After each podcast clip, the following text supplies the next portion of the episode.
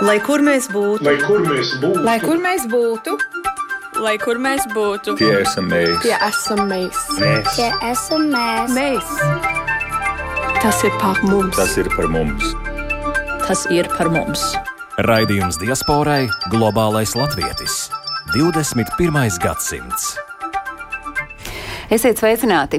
Kā pēdējos gados ir mainījusies diasporas biedru organizācija darbība, ar kādiem projektiem Eiropas Latviešu apvienība mēģina aktivizēt uh, diasporu un gal galā arī Cik motivēti tie, kuri aizbraukuši no Latvijas, vispār ir iesaistīties latviešu kopienu darbībā, dzīvojot ārpus Latvijas? Tās būs tās pārdomas un pārunas, eh, ko mēs risināsim šoreiz raidījumā Globālais Latvijas 21. gadsimts, kas ir iekritis pirmdienā uzreiz pēc nulikā notikušā ēlā Eiropas Latviešu apvienības biedru kopsapulces, kas notika šeit pat galvaspilsētā Rīgā, bet bija iespēja pieslēgties arī attālināti. Un studijā mēs esam aicinājuši aicinājuši divas viešņas, kuras, ja tā var teikt, ir vēl aizķērušās no kopsapulces un palikušas uz brīdi Latvijā. Tā ir Eiropas Latviešu apvienības prezidija priekšsēda Krist Justīne Krēsliņa. Sveicināti Justīne. Un Laura Ritenberga Kinder ir uh, Eiropas Latviešu apvienības prezidija pārstāve no Latviešu centra Minsterē, ir uh, biedrzine, ir arī tiesu tulce pamatdarbā un uh, sirdsdarbā uh, Vācijas Latviešu amatieru teātra studijas ezīša režisore, uz kurieni, es saprotu, brauc 600 km.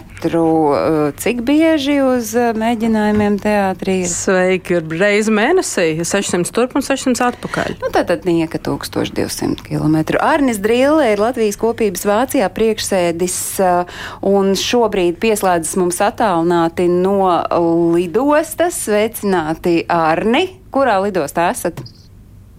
Sveiki, es ceru, ka jūs man varat dzirdēt. Lūdzu, apstipriniet. īsi. Jā, mēs dzirdam. Jā, es tieši, tieši kā nolēdāmies Čielnē, Bonnā lidostā. Kolosāli. Tātad no ķelnes un uh, savukārt uh, uh, Dainis Lēnerts ir tulks, kurš šobrīd ir Luksemburgā. Sveiks, Daini! Labdien! Mēs pirms sākam tiešo sarunu par to, kas tad tika izrunāts Eiropas Latviešu apvienības kopsapulcē, vai kāds sakāvās, vai tomēr viss ritēja gludi un raiti un strīdi tika risināti konstruktīvi. Es gribu, lai mēs visi kopīgi ieklausāmies sarunā, kas mirkli pirms šī raidījuma tiešraides man bija ar Baibu Belu, kur ir socioloģijas zinātņu doktori un Latvijas Universitātes sociālo zinātņu fakultātes asociētā profesore. Viņa vienkārši šobrīd eh, Latvijas Universitātes diasporas un migrāciju pētījumu centrā strādā pie pētījuma par diasporas organizācijām. Tā nosaukums ir dias, diasporas organizāciju kapacitātes un vajadzību pētījums. Un loģiski, ka diasporai mainoties pētījuma mērķis būs saprast, kāda tad ir šo organizāciju dzīvotspēja mūsdienu apstākļos, kas ir gana mainīgi. Bet jebkurā gadījumā mēs klausāmies pētnieces pārdomas par to, kas tad šobrīd raksturo diasporas organizācijas. Tas, kas raksturo diasporas organizācijas, patiešām ir ļoti liela šī dažādība. Un uh, tas, kas mū, pat mūs kā pētniekus pārsteidz, arī nu, šis spektrs starp formāli reģistrētām un nodibinātām organizācijām un tādām nu, neformālām interesantu kopām ir ļoti plašs, daudzveidīgs, un bieži vien tās robežas starp to, kas īsti ir organizācija un kas ir tās apakšstruktūra un kas ir, teiksim, kāda mazākā neatkarīgā vienība kādā organizācijā, ir stipri neskaidras. Tā viena no ļoti pragmatiskām atšķirībām ir kaut vai atbalsta iespējamība, kas šobrīd ir iespējama tiem, kas ir formāli reģistrēti un kam ir kapacitāte arī startēt dažādos, um, varbūt, atbalsta konkursos. Bet uh, mūs kā pētnieks, protams, interesē tieši šī darbošanās daudzveidība. Un, uh, jo no katras mazas aktivitātes vienā brīdī var izaugt arī lielāka biedrība. Un turklāt arī šobrīd tas diasporas organizāciju, nu, var teikt, tā funkcija vai pastāvēšanas ideja jau ir būtiski atšķirīga nekā viņa bija, teiksim, augstā kara laikā pirms uh, Latvijas neatkarības atgūšanas. Nu, kādu jūs to redzat? Nu, šajā periodā līdz Latvijas neatkarības atgūšanai jau šis politiskais mērķis bija primārs. Arī šī latvietības uzturēšana un Latvijas valodas un kultūras uzturēšana ārpus Latvijas bija ļoti būtisks šo organizāciju pastāvēšanas mērķis. Tagad var teikt, ka organizācijām ir tāds savs jaunā pamatojuma meklēšanas periods, tomēr joprojām jo Latvijas neatkarība ir atgūta, latviešu valodu un kultūru var kopt arī šeit, Latvijā. Un, līdz ar to tā, tā pastāvēšanas misija, var teikt, viņa, viņa ir jāmeklē nedaudz no, no jauna, varētu domāt, 30 neatkarības gadi ir pagājuši, viņa būtu varējusi atrasties un neapšaubāmi. Viņa arī, arī, arī ir, bet, bet tas, ko es arī redzu, kad joprojām nu, tāds ļoti precīzs formulējums tam, kāpēc mums šīs organizācijas vajadzīgas, ir aktuāls un sevišķi Eiropā, kas ir tik tuvu Latvijai. Nu, tā kā Eiropas pārstāvji ir šeit un piedalās šīs reizes sarunā, nu sākšu droši vien ar prezidiju priekšsēdi Justīna. Nu, kā tu formulētu, kas tad ir tā, nu, droši vien jāsāk ar Eiropas Latviešu apvienības misiju šobrīd, 2023. gadā? Eiropas Latvijas apvienības misija. Tas ir tāds liels, liels vārds, lai definētu, lai, lai nosacītu uh, virzību vai mērķus. es... bet, bet vai nākas tā, kā Baiba teica, meklēt tos jaunos, jauna pamatojuma mm, pierādījumus? Es domāju, ka kopš tā, kā Baiba arī iezīmēja, kopš 91. gada mēs nemeklējam vairs Um, mēs viņus vienreiz mainījām, vienreiz grozījām, šobrīd mums viņus vajag um, stabilizēt. Jo tie mērķi īstenībā kopš um, Latvijas brīvības atgūšanas ir principā vieni tie paši. Runa ir par mūsu identitātes uzturēšanu. Um, bet veidi, kā mēs šo identitāti uzturēsim un kurus mēs uzrunāsim, tie tie, ar kuriem mēs vēl varam spēlēties un ar kuriem, um, ar kuriem mēs strādājam. Nu, identitātes uzturēšana, bet uh, tas arī, ko Bāba ieskicēja, ka ir, uh, ir organizācijas, kas ir formālas, tad tām ir iespēja tikt arī droši vien pie finansējuma, un tad ir uh, draugu kopas apvienības, kas, protams, spēj vienā brīdī iespējams pārvērsties uh, arī tādā formālā apvienībā, bet visbiežāk jau ka nē. Un tad kāda tā sadrumstalotība, cik jūs to lielu šobrīd redzat? Un cik spēja Eiropas Latviešu apvienības galvgalis aizsniegties līdz katram? Es, es iesākšu, un es domāju, es nodošu arī vārdu um, manai kolēģei Laurai.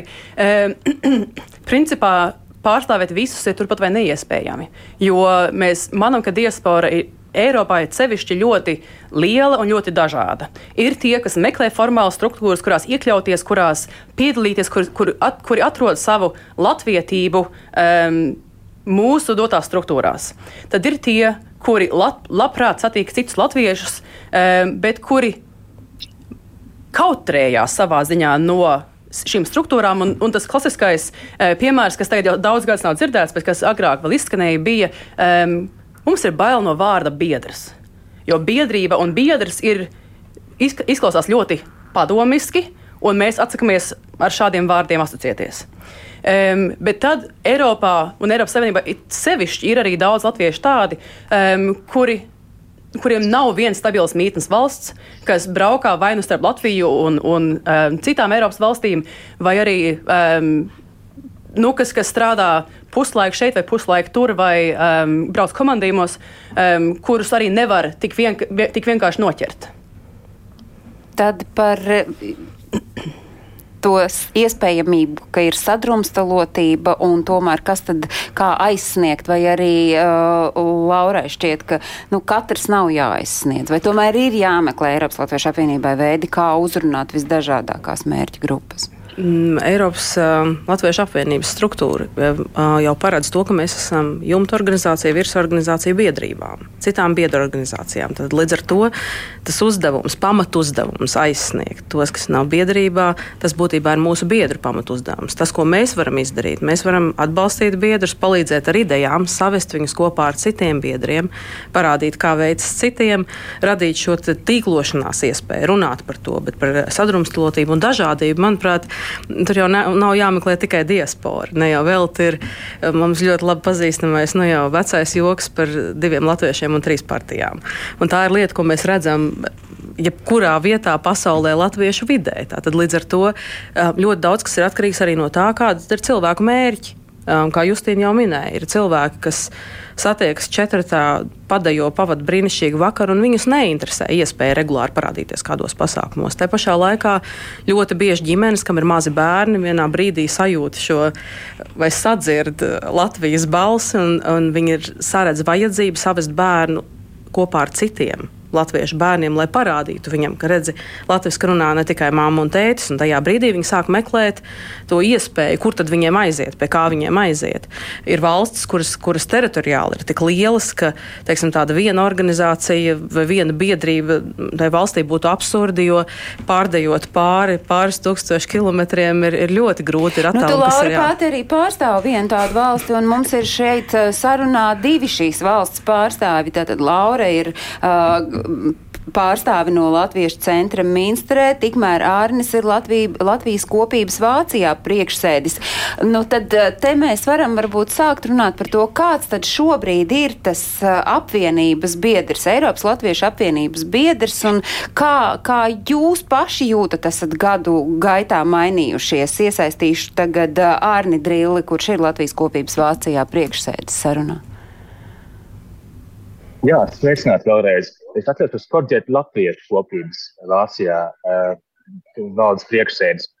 Un struktūra un vispār tā nozīme organizācijām tiešām ir labs jautājums. Un proti, tā, kad es jau vienmēr saku, latviešiem ir ģeniāla struktūra pasaulē, tāda ir maz tautām, kur savā laikā jau pēc otrā pasaules kara latvieši diezgan ātri izveidoja organizētu, efektīvu, labu struktūru, kur principā no, varētu teikt, mazākās lokālās organizācijas. Visi vienojās par savu veidu piramīdu, kur uzbūvēja tiešām visu savu struktūru, cik brīvajā pasaulē tas bija iespējams, sākot no vietējās, piemēram, ķēlnes vai ministrs organizācijas, līdz pat PBLA Pasaules Brīvo Latviešu apvienībai. Un tā ir tā saucamā vecā trījuma struktūra, kurai savā laikā bija liela nozīme. Tieši tāpat arī kā ELA iesaistās Eiropas Latviešu apvienības visas organizācijas, Tā arī PBLā bija domāts, ka struktūra veidā tiešām aicina tālāk un tālāk reprezentē katrā nākamajā līmenī um, organizāciju pārstāvju, jeb izvēlētas personas uh, kā apakšējā struktūra vienības, un katrai bija sava nozīme. Un uh, tas ir tas brīdis, kas mums tagad nedaudz pajūtas. Ir. Ir tā, ka vienkārši tā struktūra daudziedā veidā ir tikusi izmainīta, jau arī pajukusi tādēļ, ka apakaļ pie tā paša vecā joka bija latviešu un septiņas organizācijas, Tad daudz vietējie taisīja savas organizācijas. Dažādu apsvērumu dēļ es nav vērtējoši un negatīvi. Bet, kad veidoja savas organizācijas un neiekļāvās līdzinājā struktūrā, līdz ar to arī struktūrai kaut kā sava nozīme zuda. Es no savas puses patiesībā esmu diezgan pārliecināts, ka gan tai struktūrai, gan arī mūsu pašsaprātnē atkal vērtība atgriezīsies. Atgriezīsies tādēļ, ka laika mainās, sabiedrība mainās, bet patiesībā jau mēs pie vecajām vērtībām atgriežamies. Tās pamatvērtības ir statiskums un latvieši. Kāpēc mēs nākam šādi kopā? Vai tad nepietiek ar sporta klubiņiem, vietējiem sporta klubiņiem, ar vāciešu klubiem, anglijas klubiem, citu valstu klubiem? Mēs nākam pie latviešiem. Mēs tieši izspēlējām vienu tādu uh, latvieša tipiskā uh, kā personāžu, Elas sēdi arī jokojoties nedaudz teātrāli. Kā tad izskatās tas latviešu tipiskais kuram ir tā eh, organizācija iespējams interesanta vai nepieciešama. Un eh, tā, teiksim, domājot par to, kas ir tie kriteriji, pēc kuriem viņš izvēlās un kā viņi varētu piesaistīt, mēs tomēr nonākam vienmēr pie tā paša, ka viņam tie latvieši ir vajadzīgi un latviskums ir vajadzīgs. Tā nav kādā formā, vai tas būtu tauta dzēs, vai tas būtu pasu galds manas pēc no sākuma, vai tā būtu iesaista korī, vai arī patiešām kultūras saglabāšana. Un tieši tā, tas pēdējais, ko es tagad minēju, kultūras saglabāšana, tas man uz to brīdi vairāk kā uzdevums ir radies pats uzskats īstenībā virsū. E, ir tas e, posms, e, līdz kuram ir kaut kur arī jāattīstās vēsturiski. Mūsu sabiedrība ir jauna. Tas, kas, tā, kas tagad ir iebraukusi, tā ir vec, jaunā diaspora, viņa ir jauna sabiedrība, viņa sāk principā no nulles. Viņa sāk no savām interesēm un nepieciešamībām. Kā mēs redzam, viņi meklē, viņus atrod, viss notiek un viss attīstās atkal.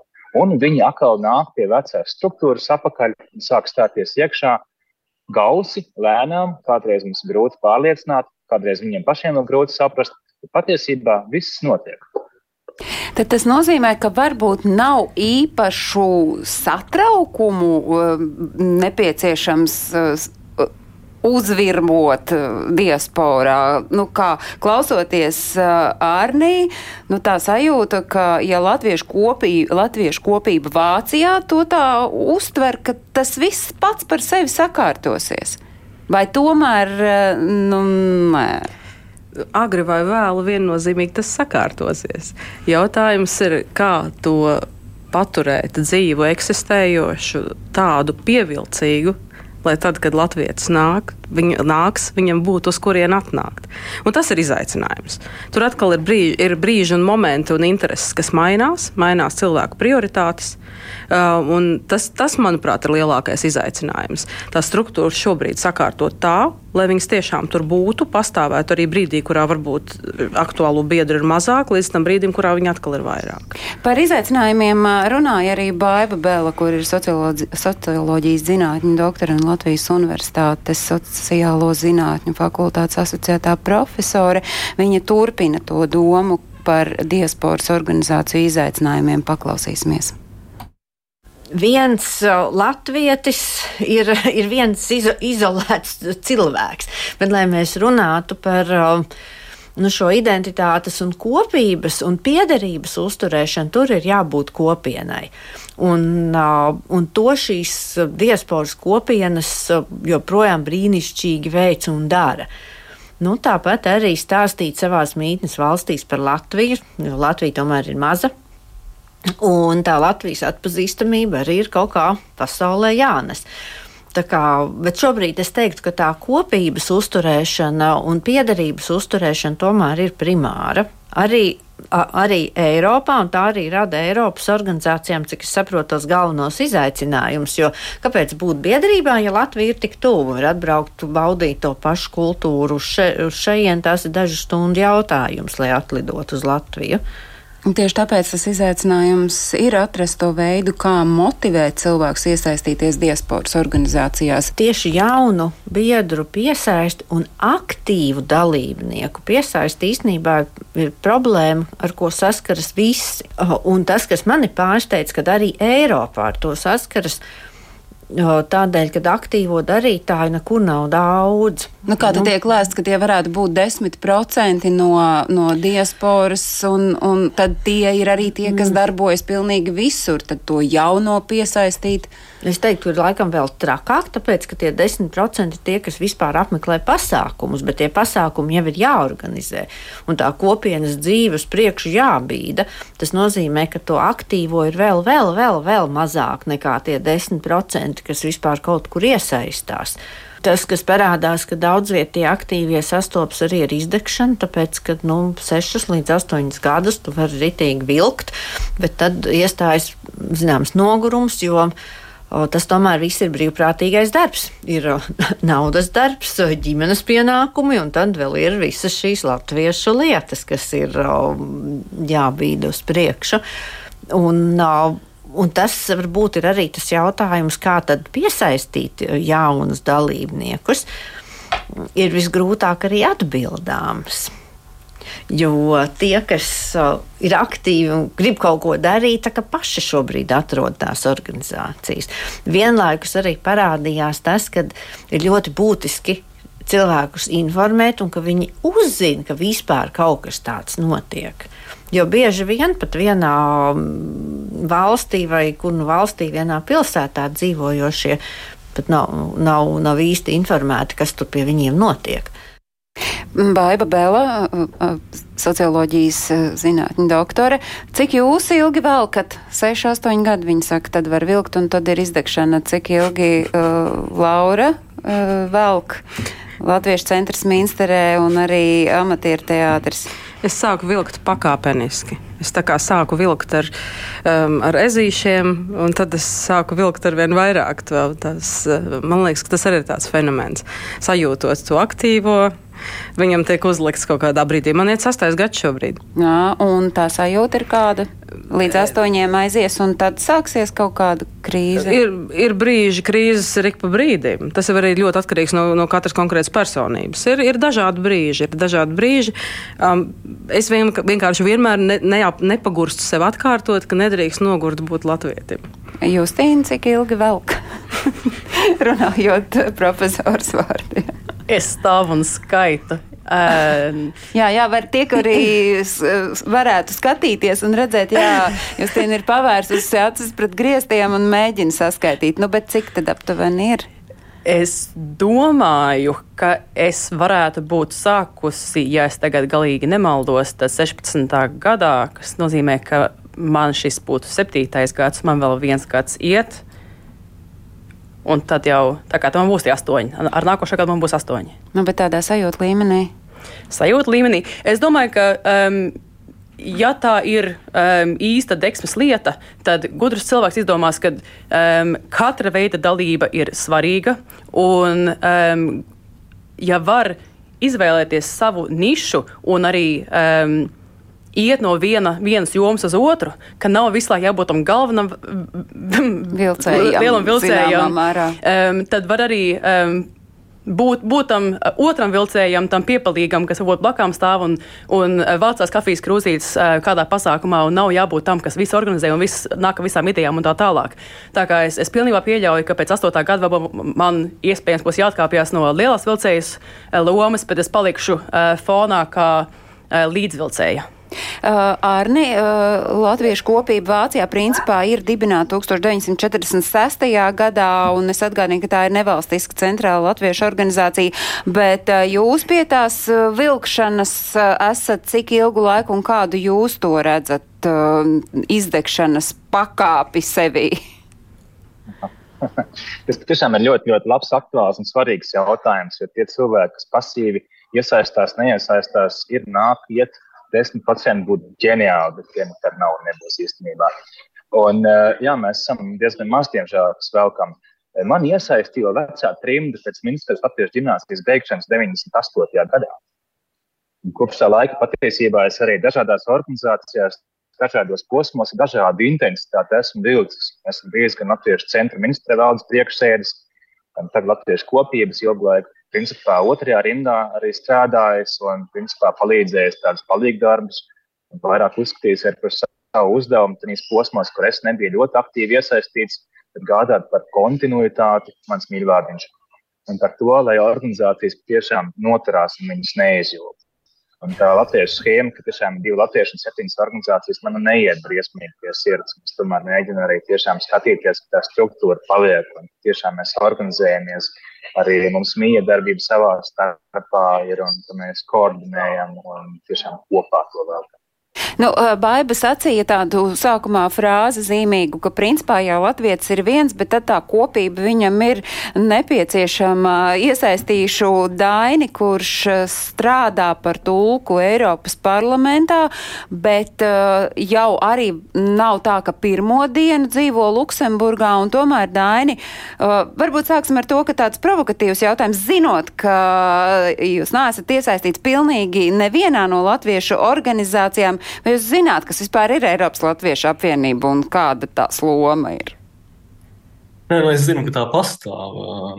Man liekas, ka grūti jau tomēr dzīvot ārpus Latvijas un tomēr iesaistoties kaut kādā mērā, kaut vai sociālajos tīklos, kaut kādās diasporas aktivitātēs, un to tomēr nevar pamanīt, nevar nepamanīt, ka tā pastāv un darbojas. Un, un Galu galā es tomēr arī zinu cilvēkus, kas šeit darbojas aktīvi Luksemburgas Latviešu apvienībā un, protams, par saiknēm attiecīgi tālāk ar eh, Eiropas Latviešu apvienību. Bet eh, nē, ikdienā apvienības eh, darbībai līdzi es tiešām nesakoju.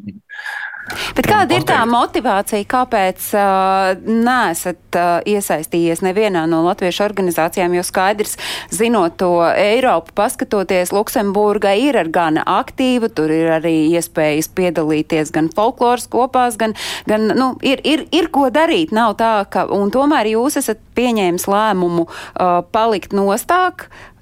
Kāds ir tas iemesls? Tas jau īsti, protams, nav arī lēmums. Tā ir drīzāk tāda dabiski izveidojusies nostāja. Es domāju, ka pirmkārt jau katram cilvēkam varbūt svarīgākais faktors būs vienkārši viņa raksturs, varbūt zināma noslēgtība vai pieturēšanās pie draugu loka. Bet uh, jau raidījuma nosaukums man šķiet uh, globālais latviečs pasaka kaut ko šajā sakrā svarīgu. Nu, mūsdienu pasaulē, mūsu savienotības apstākļos uh, dzīvot latviešu kultūrā ir ļoti viegli, nedzīvojot Latvijā. Un man kā dažādās kultūras formās stipri interesētam cilvēkam tas tiešām ir itin viegli. Latviešu literatūra, latviešu mūzika, nu, tas ir lietas, ko es varu baudīt ļoti labi, nezijot no mājas. Un dažkārt, protams, arī izējot no mājas, jo Luksemburga, uh, Luksemburgā tomēr ir iespējami arī pasākumi, kas var arī nebūt pat Latviešu apvienības organizēti pasākumi, piemēram, dažkārt mums koncertēja Iveta apkalnu vai, vai Baiba skrīda.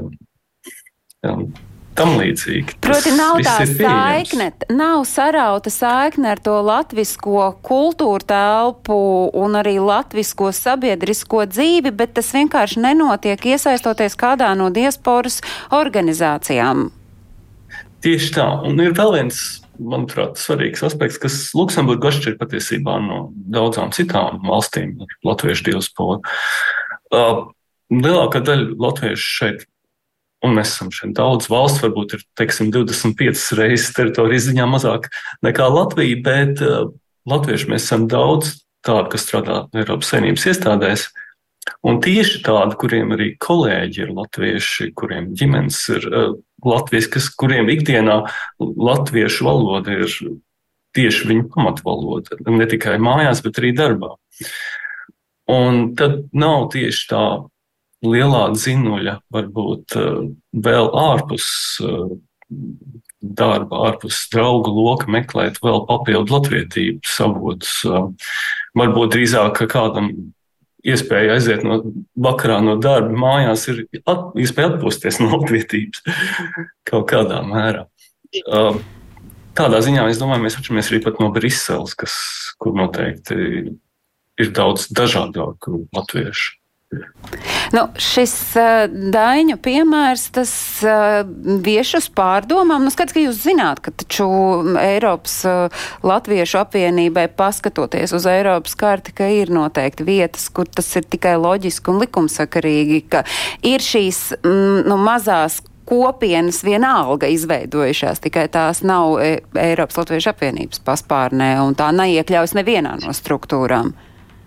Tā noteikti ir.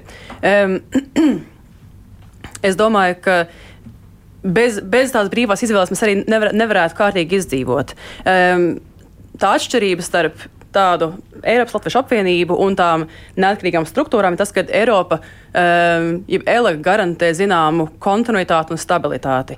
ELA ir pastāvējusi tagad jau vairāk nekā 70 gadus, um, un uz šī vēsturiskā pamata es domāju, ka mēs grasamies tuvāko 70 gadus tāpat turpināt. Vismaz.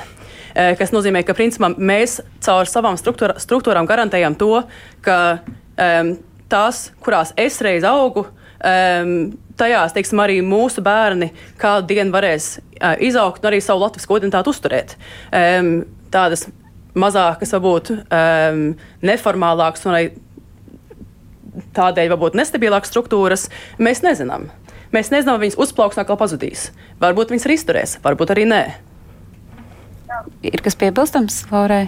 Nu, es principā pievienojos Justīnai ar šo domu, jo um, šīs stabilās struktūras tas ir tāds, šajā dzīvē garantēts nav nekas, bet tas ir tāds garanta sajūta, Tas dod šo sajūtu par to, ka tad, kad mani bērni meklēs šo iespēju, ja viņi vēlēsies, viņiem būs kur aiziet. Latvijas jau pēc savas dabas īstenībā ir diezgan vienpats, vienpats tautas dejā, dejā nav tautas deja, un vienpats nav koris. Tad, kad rodas šī vajadzība, šī ir tā iespēja, ja viņi vēlas atgriezties, atnākt un atrast. Bet kā ir savukārt ar uh, tas, ko mm, Ārnis pieminēja, ka nu, ir tās uh, viens, lat, ne divi latvieši, septiņas apvienības, uh, tomēr šo varbūt mazināt to, to. Es jau gan pieminēju to vārdu sadrumstalotība, bet vai jūs redzat, ka tas varētu būt viens akcents, kam pievērst uzmanību, un ka tajā mirklī, kad viena tā mazā kopiena, kas iespējams ir grāmatu lasītāju klubiņš, pēkšņi sapratīs, ka mums vajag kaut kādu līdzfinansējumu, ko mēs varam tikai Eiropas Latviešu apvienības paspārnē iegūt, ka tad viņi nāks un, un, un iekļausies tajā jumta organizācijā. Tas pilnīgi pašsaprotam ir mūsu interesēs garantēt, ka um, visas, visi mazie grāmatu klubiņi un kaķu klubiņi un um, novus uh, turnīru un, un kas, kas vien nepa, nepastāv, ka viņi kaut kādā veidā ir ar mums saistīti. Jo tas to informācijas um, tīklu um, daudz efektīvāk nosēdz un mums ir vieglāk faktiski tikt pie mūsu diasporas klāt. Um, tikai mēs nekādā veidā nevaram šiem septiņiem, šīm septiņām apvienībām ar tiem diviem nabaga latviešiem um, nekādā veidā piespiest draudzēties. Un tas savā ziņā arī uh, Eh, ja tas neaiziet galīgi dimbā, tas arī nav īstenībā mūsu uzdevums. Ko nozīmē tas aiziet dimbā? Ļoti labs jautājums. Um, es nezinu, ja tur, ja tur sāktos startautisks kaut kāda krimināla tiesa vai nezinu, kaut kas tamlīdzīgs, kas bojātu visu Latvijas tēlu, tad es domāju, ka mēs ieslēs, ieslēgtītos. uh, e, jūs paši uh, kopsapulcē, kas notika, jā, uh, gribēja Arnis ko piebilst? Jā, labprāt, un proti tieši par šo tēmu. To sadrumstalotību un par to, ka latvieši tās daudzās organizācijas taisa un katrs savu, savu organizāciju un, un dažādu iemeslu pēc Tā nelēma ir tā, ka tie aktīvie darītāji ir tik maz, ka žēl, ka tā, tā enerģija sašķeļās. Sašķeļās tur, kur tas kādreiz nebūtu vajadzīgs. Proti, ir kaut kā ņemsim tos pašus administratīvos darbus, kur tiek principā darīti divkārši un trīskārši. Un būtu īstenībā daudz vienkāršāk, ja neskatoties uz kaut kādām paudžu maiņām un privātiem strīdiem, bet tomēr daudz lietas zem viena jumta varētu darīt un enerģiju nešķiest. Tas jau tas brīdis, ir, kad mēs meklējam arī pēcteču organizācijām līdz dalībniekus vai līdz skrējējus, kas varētu arī palīdzēt iesaistīties. Tad mēs manām, ka tie aktīvi, tie foršie spējīgie jau tiešām ir kaut ko savu izveidojuši, un viņiem vairs nav ne laika, ne enerģijas resursu piedalīties kopējā.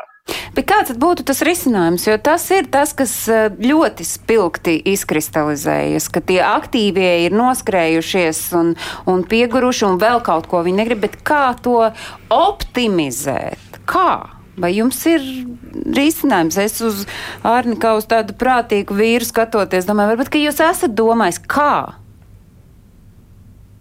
Domājuši, ka mēs esam daudz, bet to, to eh, labo, superīgo recepti mēs neesam esam acīm redzot atradušies, jau būtu labāk.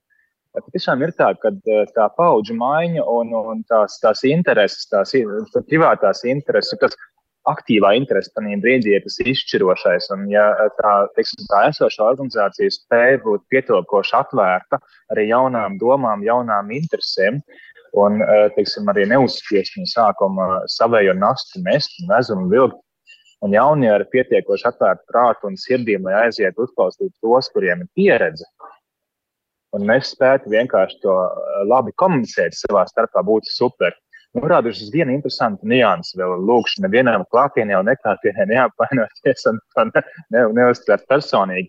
Bet mums ir notikusi vēl viena papildus interesanta lieta. Mums ir nomainījusies vecā trimda pret jauno diasporu. Mums ir nomainījusies vecā ārpasaules latviešu sabiedrība bet jauniem izbraukušiem latviešiem, kur jau tik ļoti savā starpā nedraudzējās, dažādos līmeņos, dažādos veidos, dažādu iemeslu pēc. Un tas mums ir papildus super liels izaicinājums īstenībā. Neviens jau laikam nesolīja, ka būs viegli. Tas ir visu laiku droši vien, ka mazliet jāpatur pakausī. Un uh, Baiba arī uzsvēra savā sacītajā par to komunikāciju, kaut vai apziņošanu vienas pilsētas ietveros, nu, piemēram, uh, Minhenes apkārtnē dzīvojošos latviešus apziņot, jo tā Minhene nav mazpilsēta, tas ir vairāk nekā skaidrs. Vai uh, šajās sarunās kopsapulcē jūs arī uh, spriedāt? Spriedāt par to, tos veidus, kā attīstīt to savstarpējo komunikāciju, gan vienkārši latviešu starpā sasniegt iespējams to, kurš varētu būt potenciāli aizraujams un gribētu iesaistīties kādā no uh, aktivitātēm un paši savā starpā. Es, ja es atkal sāku, tad nodošu atkal nūju tālāk. Um, Primāri tas, pie kā mēs nonācām, bija tas, ka tā ir visu mūsu atbildība.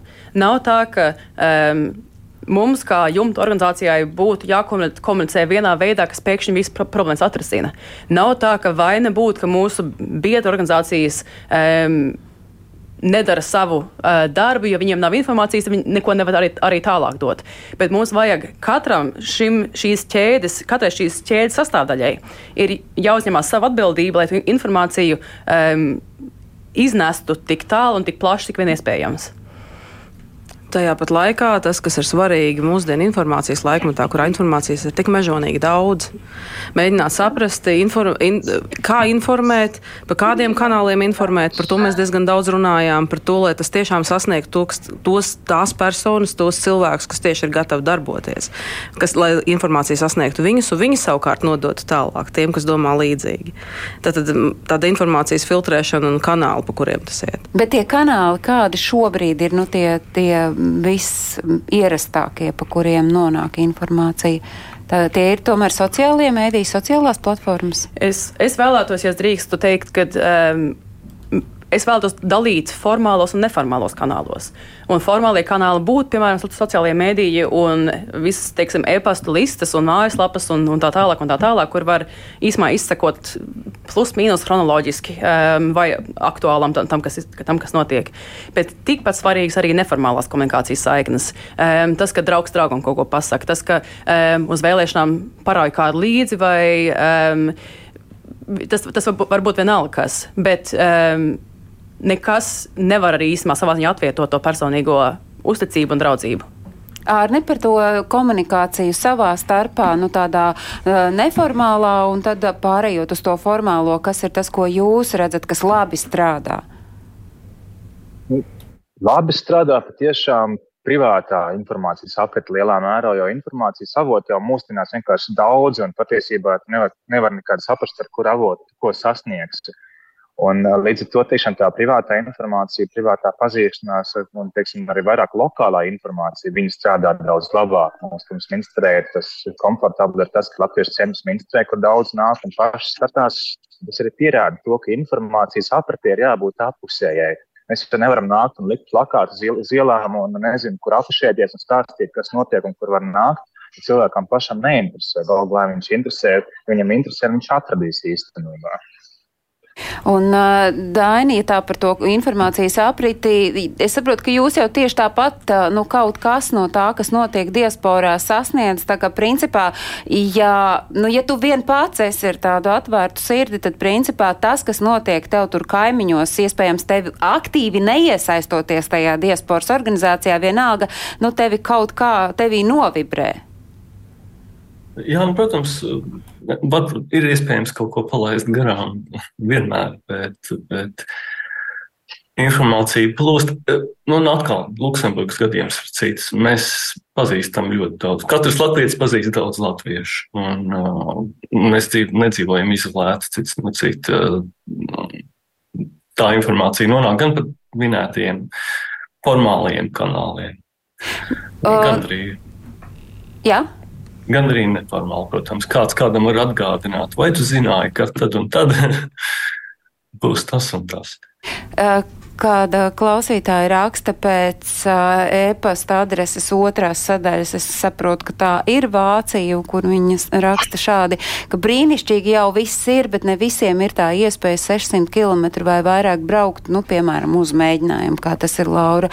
Tavā gadījumā gribētu, bet nevienmēr tas nostrādā. Ja dzīvo tuvāk tiem punktiem, tad jau vēl cilvēki iesaistās un, un pievienojas. Tad tomēr mēs nedrīkstam aizmirst runājot par jebkādām citām diasporas aktivitātēm un iesaistu tas, ka te ir stāsts par milzu attālumiem un, un nevienmēr to var izdarīt. Bet tad varbūt tas arī ir jāsaprot, ka loģiski, ka kaut kur citur dibināsies kāda maza, nu nezinu, es tagad pieķēros tam lasītāju klubiņam vai kaut kāds nūjotāju kopiena, kurai nu nekad tāda Eiropas Latviešu apvienības rūpe par viņiem īsti droši vien, nebūs vajadzīga. Nu, ar es... to ir jārēķinās droši vien. Nu, es domāju, ka tā, tā rūpa un tā interese ir apusēja. Ja um, nūjotāja klubs vai lasītāja grāmatiņu klubs vai kaķu klubs, makšķernieku klubs vai vienalga uh, mednieku klubs, kāds mums arī um, diasporā jau, jau pastāv, es domāju, ka tas ir. Um, tā, tā rūpe un interese ir apusēja. Ja šīs um, formālās, neformālās organizācijas nāk, interesējās, mēs ar lielāko prieku arī nāksim atpakaļ. Mums tikai ierobežotu resursu dēļ arī nav savas kapacitātes iet un katru atsevišķi uzrunāt un lūgt mūsu uh, pulciņā. Nu, jūs paši esat sacījuši, ka Eiropas Latviešu apvienība kā organizācija būs tik ietekmīga, cik tā sadarbosies ar biedru organizācijām un cik biedru organizācijas būs gatavas tai atpakaļ saiknei un tai uh, sazobēji abos virzienos. Paldies Justēnai Krēsliņai, kur ir Eiropas Latviešu apvienības priekšsēde. Laura Ritenberga Kinder ir Eiropas Latviešu apvienības prezidija locekle no Latviešu centra Minsterē. Arnis Drīle ir Latviešu kopības Vācijā priekšsēde priekšsēdis, un savukārt Dainis Lenards ir tulks, kurš vienkārši dzīvo latviskā vidē, neiesaistoties organizācijās un dara to Luksemburgā. Paldies arī maniem kolēģiem, kur strādāja pie šī raidījuma tapšanas, un tā ir Katrīna Bramberga, Arnolds Auziņš un Santa Lauga. Atkārtojums šim raidījumam skan katru svētdienu uzreiz pēc ziņām trijos, bet savukārt portālā latviešu.com meklējiet visus tos notikumus, kas ir svarīgi un aktuāli latviešiem dzīvot dzīvojot ārpus Latvijas. Paldies un visu labu!